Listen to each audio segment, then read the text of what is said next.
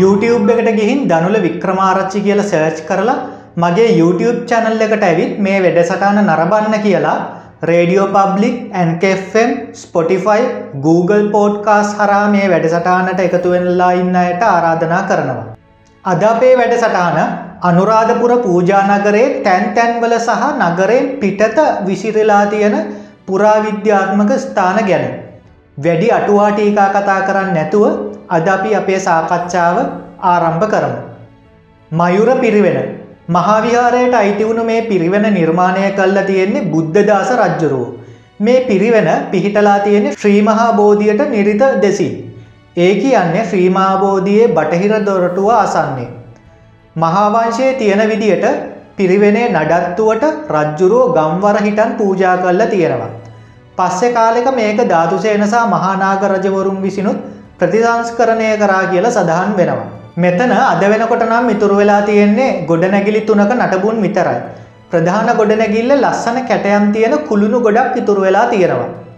එවගේම කොරවක්ගල් පඩිපෙල් සදකට පාන් කීපයකුත් ඉතුරු වෙලා තියෙනවා. දෙදා සෙකොලවුරුද්ධ පුරාවිද්‍යා දෙපාර්තමේන්තුවෙන් කරපු කැනීම් වලින් මේ ස්ථානය තිබිල පෙතිවුලු ගඩොල් වලංකටු ඇන පබලු වගේ දේවල් හොයාගෙන තියෙනවා. ගල් පාලම. අනුරාධපුරයේ පෙරිමියන් කුලම හරහා යන පාරේ දකුණු පැත්තෙන් හමුවෙන වෙල්්‍යාය දිගේ ගියාම ගල් පාලම අපිට දැකගන්න පුළුවන්. මේ ගල් පාලම නිර්මාණය වෙලා තියෙන්නේ මල්වතු ඔය හරහා. අවුරුදු දෙදස් ගානක් ගිහිල්ල මල්වතු ඔය හරා හිටවලා තියෙන ගල්කනු තාමත් ඒ විදිහටම තිබීම එක්තරාකාරයකට පුදුම සාගතයි. දේවානම්පිය තිස්ස රාජ්‍ය සමයේ දබකොල පටුනට රැගෙනාපු ශ්‍රීමහාබෝධිය දබකොල පටුනේ ඉදලා මහාමෙවුනවයනට යනකම්ම වඩම්වලා තියෙන්නේ චතුරංගනී සේනාවෙන් සැරසුණු පෙරහැරකි. මේ පෙරහැර මහමෙවුනවයනට ගිහින් තියෙනවාය කියල කියන්නේ මේ ගල්පාලම මති. ඒ කියන්නේ මේ ගල්පාලම සංගමිතා මහරහත් තෙරණියන් වහන්සේගේ පාදස්පාශය හිටන් ලබල තියෙනවා. දක්කින ස්තූපය දක්කින ස්තූපය පිහිටලා තියෙන අනුරාධපුරේ මිහිදු මාවතේ. ඒ කියන්නේ වර්තමානය නිර්මාණය කරපු සදහිරු සෑයට එහා පැත්තේ. නගරේ දකුණු දිශාවෙන් පිහිටලා තියෙන නිසා තමයි මේකට දක්කින ස්තූපය කියලා කියන්නේ. ඒවගේම දකුණු දාගැප කියලත් කියනවා. මේ චෛත්‍ය වලගම්බාරජ්ජුරුවන්ගේ අමාත්‍යවරයෙක් විසින් ඉදි කලා කියලා තමයි දැන්ට පවතින මතය. වංශකතාවලට අනුව තමන්ගේ ආදාහනය මේ ස්ථානය සිද්ධ කරන්න ඕන කියලා මිහිදු හාමුදුරුව දේවානම් පියතිස්ස රජ්ජුරුවන්ට දන්වලා තියෙනවා. ඒවගේම ඉතිහාසය අනුව දුටුගැමනු මහරජ්ජුරුවන්ගේ ආදානය සිද්ධ වෙලා තියෙන්නේ මේ ස්ථානයේදීමයි. දුටුගැමනු රජ්ජුරුවන්ගේ ආදානය සිද්ධු කරපු ස්ථානය මත නිර්මාණය වුණු මේ දැවන්ත ස්තූපයෙන් දුටුගැමුණු මහරජතුමාගේ භශ්මාවශේෂ හොයාගෙන තියෙනවා. මේවා දුටුගැමුණු මහරජ්ජුරුවන්ගෙම භශ්මාවශේෂ බව සැනරත් පරණවිතාන ශූරීන් තහවුරු කරගන්න. අද වෙනකොට ඒවා ජාතික කෞතුකාගාරයේ සුරක්ෂිතව තැන්පත් කල්ල තියෙනවා. දක්කින ස්තූපය වටේම ඉපැරණි නටබුන් රාශියක් දැක්ගන්න පුළුවන්. ඒවාතර කුඩා ප්‍රමාණයේ ඇතෙකුගේ කැටයමක් දැකගන්න පුළුවන්. චෛත්‍යයේ පැති දෙකක ශිලාස්තම්භ දෙකක් තියෙනවා. මේ දෙකේම දෙපැත්තේ ලස්සන කැටයම් රූප තියෙනවා. එවගේම පුං කලස් සහිත ලියවැල් තියෙනවා. තවස්තම්භයක සත්වරූප සහිත ලියවැල් කැටයම් දැකගන්න පුළුවන්. බටහිරාරාමය ඒ කලාපය. පදනාගර පශ්චිමාරාම පතනගල පියන්ගල වගේ නම්වලින් හඳුන්වන මේ බටහිරාරාම ව්‍යාරසංකීනය පිහිටලා තියෙන්නේ අනුරාධපුරයේ ලෝලු ගස් වැව අසන්නේ. මේ ස්ථානයේ වැදගත්කම ප්‍රාග් බෞද්ධ යුගය දක්වාම දිවයනු. පණ්ඩුකාබය රාජ්‍ය සමය මේ ස්ථානය සුසාන භූමියක් විදියට වෙන් කරා කියල මතයක් තියෙනවා. ක්‍රිස්තුපූර්වයුගේ නිර්මාණය කරපු බටිහිරාරාම ව්‍යාරසංකීනේ භාවනායෝගී භික්‍ෂූන් වහන්සේලා වැඩඉදලා තියෙනවා.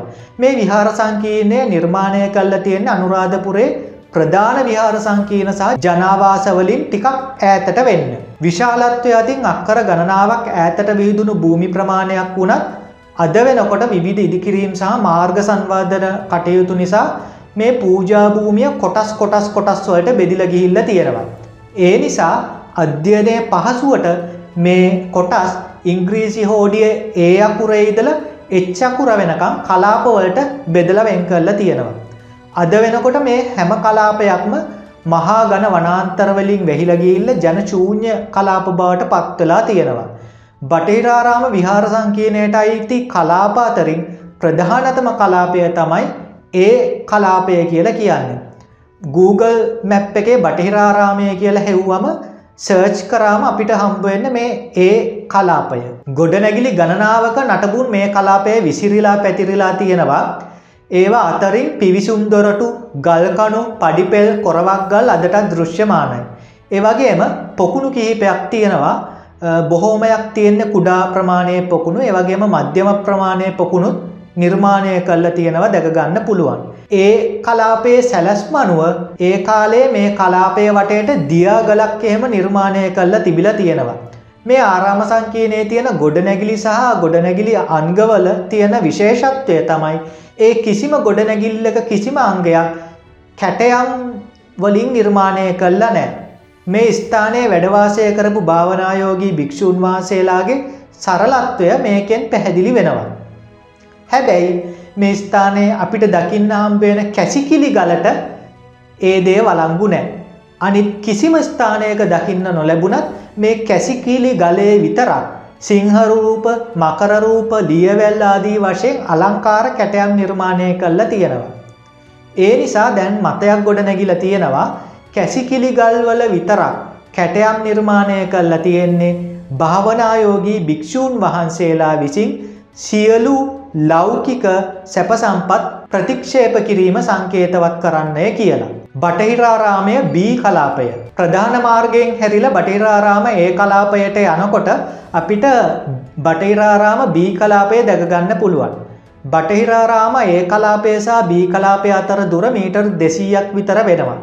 බටහිරාරාම බී කලාපය නිර්මාණය කල්ල තියෙන පොළොව මට්ටමෙන් ටිකක් උස් කරලා මේ ස්ථානයේ නටබුන් කුඩා ප්‍රමාණයක් ආරක්ෂා වෙලා තියෙනවා.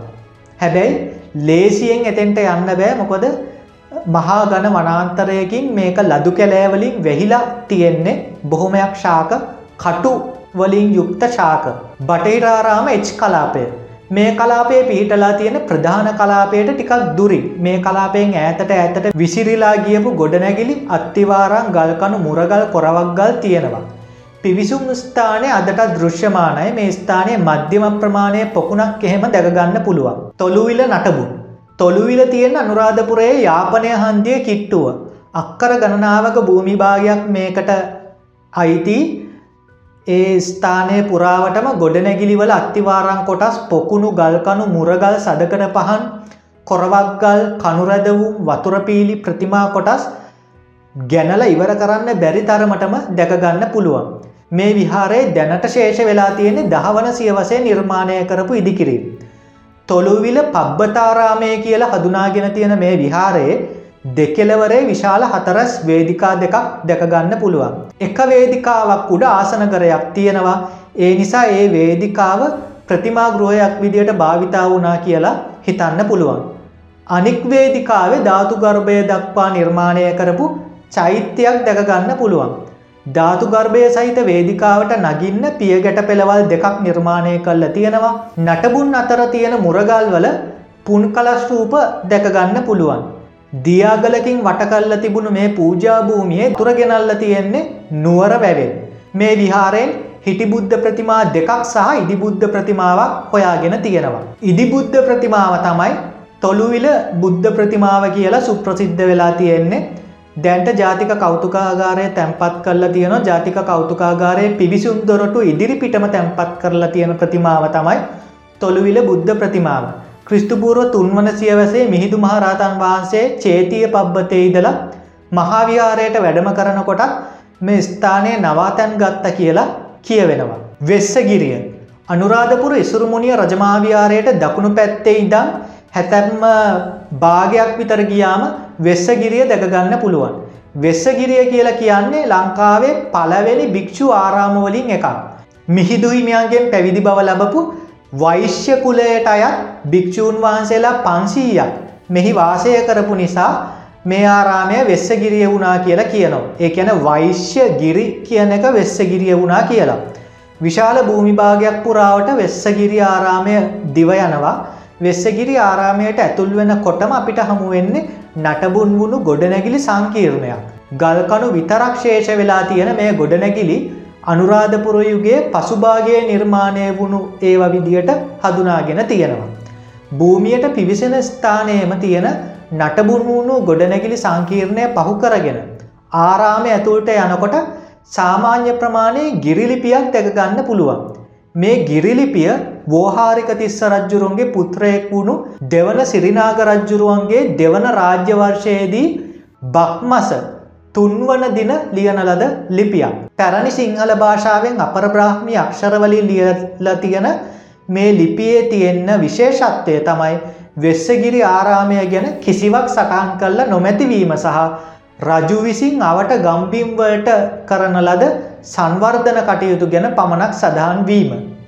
ක්‍රිස්තුවර්ෂ තුන්වෙනි සියවසට අයිති මේ ලිපියට වම් පැත්තෙන් ගල් පඩිපෙලක් හම්බ වෙනවා. ගල් පඩිපෙළ ඔස්සේ ආරාමයේ ගල උඩට යන්න පුළුවන් මේ ගල උඩට යනකොට කුඩා ප්‍රමාණය පොකුණු සහ භික්‍ෂූන් වහන්සේලා වැඩවිසපු ගල්ගුහා විසි තුනක් හමු වෙනවා. එවගේම අනුරාධපුරේ පූජා නගරයක් හොදට දැකගන්න පුළුවන් මේ ඉහළ කොටසට පිවිසුනාම. ගල් ලෙන්වල කටාරමට ඉහලින් කොටල තියෙන සෙල්ලිපි ලංකාවේ පැරණිතම සෙල්ලිපි කියලා හඳුනාගෙන තියෙනවා. ඒවගේම ලංකාවේ ඉපැරණිතම චිත්‍රක් අපිට වෙස්සගිරි විහාරයේ ගල්ලෙන් වලින් දැකගන්න පුළුවන්.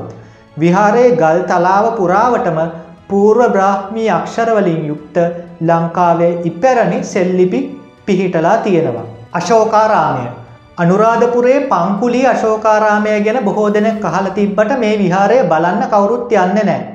මොකද මේ විහාරයට පිවිසෙන්න තියෙන්නේ ටිකක් දුෂ්කර ජනශූන්‍ය කලාපයක් හරහා සහ ලදු කැලෑවල් මැද්දක තමයි මේ කලාපය පිහිටලා තියෙන්නේ. තූපාරාම චෛත්‍ය ළඟ තියෙන කුඩා හන්දියේ ගල් පාලම දිහාවට යනකොට අතර මගදි අශෝකාරාමය ගැන නාමපුවරුවක් කම්බ වෙනවා.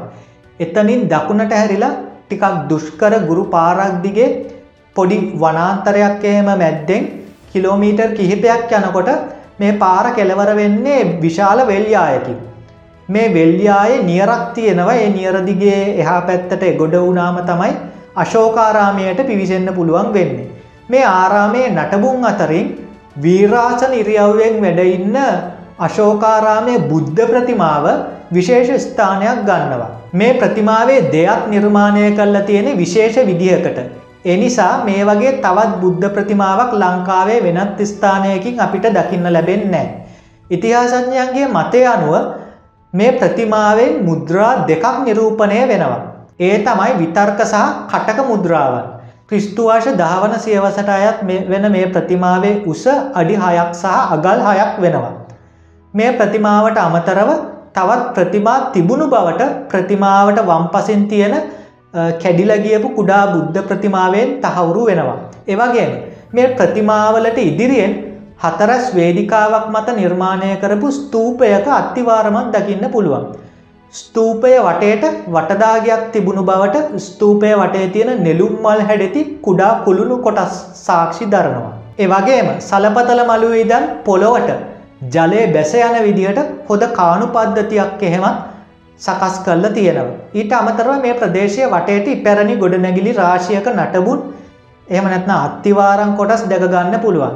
සමහරක් ගොඩ නැගිලිවල කොරවක්ගල් සදකඩ පහන් ගල්කනු මුරගල් අදටත් සුරක්ෂිතව තියෙනවා දකින්න පුළුවන්.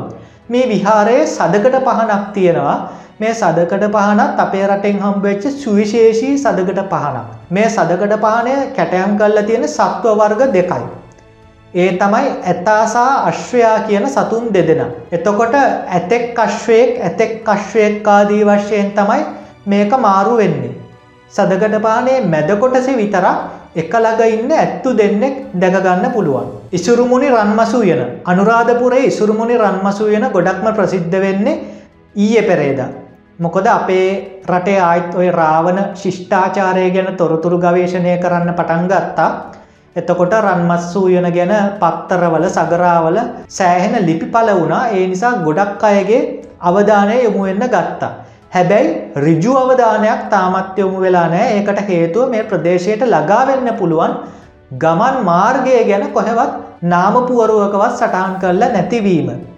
රන්මසූයනට පිවිසෙන ගමන් මාර්ගය ගැන සඳහන් කරනවන ඉසුරුමුණිය රජමහාවිහාරයට වම් පැත්ත තියෙනවා චූටි පුංචි ගුරුපාරක් මේ ගුරුපාරදිගේ ගිහින් තිසාවැවේ බන්ටකට නැත්නම් වැව් බැම්ම උඩට නැගල වම් පැත්තට හැරිලා සැලකිය යුතු දුරක් ඉස්සරහට ගියාම අපිට මේ ස්ථානය හමු වෙනවා. දුටුගෙමුණ රජ්ජුරුවන්ගේ පුත්කුමාරය වුණ සාලියට අශෝකමාලාව මුණ ගැහුණු රන්මසු වයන නොහොත් මේ මගුල්ලු යන නිර්මාණය වෙන්නේ දේවානම්පිය තිස්ස රජ්ජුරුවන්ගේ කාලෙ. එදා ඉදල මේ වයන රජවරුන්ගේ රාජකී උද්‍යානයක් විදියට පරිහරණය වෙනවා. දේවානම්පිය තිස්ස රජදවසිදල අනුරාධපුරයුගේ පසුභාගය වෙනකං විවිධ රජවරු අතින් විවිධ ඉදිකිරීම් මේ උයනේ නිර්මාණය වෙලා තියෙනවා. සීගිරි උද්‍යානයට විතරක් දෙවෙනි වෙන මේ උද්‍යානයේ උද්‍යානයක තියෙන්න ඕන සෑම සියලු දෙයක්ම දැකගන්න පුළුවන්.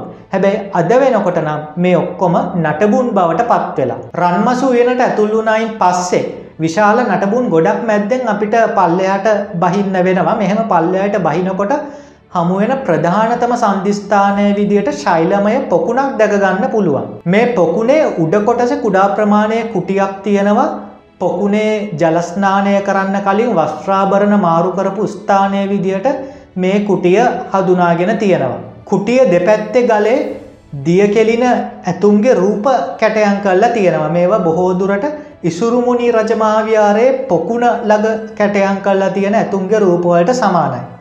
හැබැයි ඊට වඩා ගල ඇතුළට වෙන්න කැටයන් කල්ල තියෙනවා. මේ පොකුණ පවුකරගෙන ටිකදුරක් ඉස්සරාට ගියාම හමුවෙන කුඩා පාරෙන් දකුණු පැත්තට හැරිලා යනකොට නටබුන් විශාල ප්‍රමාණයක් හම්බවෙන මේ නටබුන් කන්දරාවෙන් හෙළ රජදවස මේ උයන තිබ්බ විදිහ ගැන හොඳ රූපයක් මවාගන්න පුළුවන්. මේ නටබුන් අතරේ කැටයන් නොකරපු කොරවක්ගල් මුරගල් ගල් පඩිපෙල් ආසනගල් ගල්කනු සදකට පහන් කුඩා ප්‍රමාණය පොකුණු අත්තිවාරං කොටස් පාලම්වල කොටස් විශාල ප්‍රමාණයක් තියෙනවා. එතකොට රන්මසු වෙන කියන්නේ ආගමික ස්ථානයක් නෙවේ හැබැයි මේ වගේ ස්ථානයකින් සදකට පානක් හොයාගත්තු එකෙන් අපිට තීරණය කරන්න පුළුවන් සදකට පාන කියන්නේ බෞද්ධ පූජනී ස්ථානවලට සීමා නොවී ඉන් ඔබ්බට ගියපු කලාකෘතියක් කියලා. අපි ඒ ගැන විශේෂ වැඩසටානක් කර ඔන්න උඩින් ඒ ලිංක එකත් යනවා. මේ නටපුන්ගොට පව් කල්ල තවත් ඉස්සරාට යනකොට තවත් පොකුණක් හම්බ වෙනවා.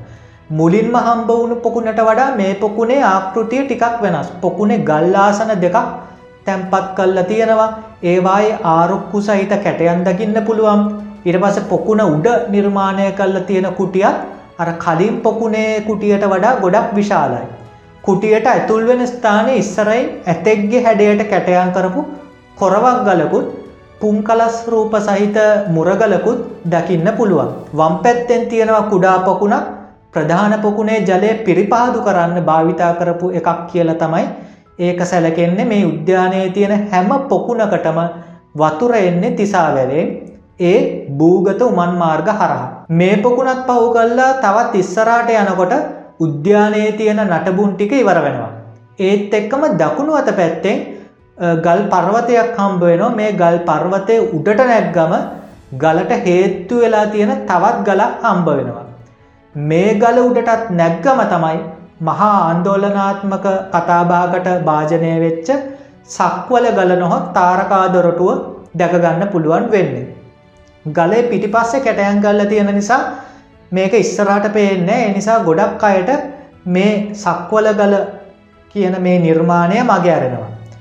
මේ ස්ථානයේ ගල්තලාවක් මත වෘර්තයක් ඇදලා ඒක ඇතුළත නොයෙක් නොයෙක් සංකේත සටන් කරලා තියෙනවා දකින්න පුළුවන්. මේ සංකේතවලින් නිරූපණය වෙන්න විශ්වයේ තියෙන වෙනත් චක්‍රාවාටයක ඇති වෙනස් සෞරග්‍රහ මණ්ඩලයක ජීවීන් සිටින ග්‍රහලෝකවලට පෘතුවයේ සිට යානයකින් ගමන් කළ යුතු සැලැස්ම කියල තමයි ගොඩක් අය විශ්වාස කරන්න. ඒවගේම මේක තාරකා දොරටුවක් කියලත් මේ හර අවුරුදු හයදාකට විතර කලින් මහාරාවන රජ්ජුරුවෝ වෙනත් සමකාලීන ශිෂ්ඨාචාරවලට හෝ වෙනත් විශ්ව ඔයන්වට සංචාරය කරා කියලත් අප්‍රසිද්ධ මතයක් තියෙනවා. ඉතින් ඔන්න ඕක තමයි අද දවසය අපේ වැඩසටාන අනිත් වැඩසටාන් වල වගේම මං හිතනවා මේ වැඩසටානෙනුත් ඔයාල දන්න දෙයක මොකක් හෝ නොදන්න දෙයක් දැනගන්න ඇති කියලා වැඩසටාන හොදයි නම් අනිවාරයෙන්ම ලයික් කරන්න ෂයා කරන්න ඔයාලගේ අදහස් කමෙන්ට් කරන්න ඒවගේම තවමත් මගේ YouTube චැනල් එක සබස්ක්‍රයිබ් කල නැත්නම් ඒකත් අනිවාරයෙන්ම සබස්ක්‍රයිබ් කරන්න මතකයේ තියාගන්න. එහෙනම් අදට ඔච්චරයි හැමෝටම සුබ දවසක්.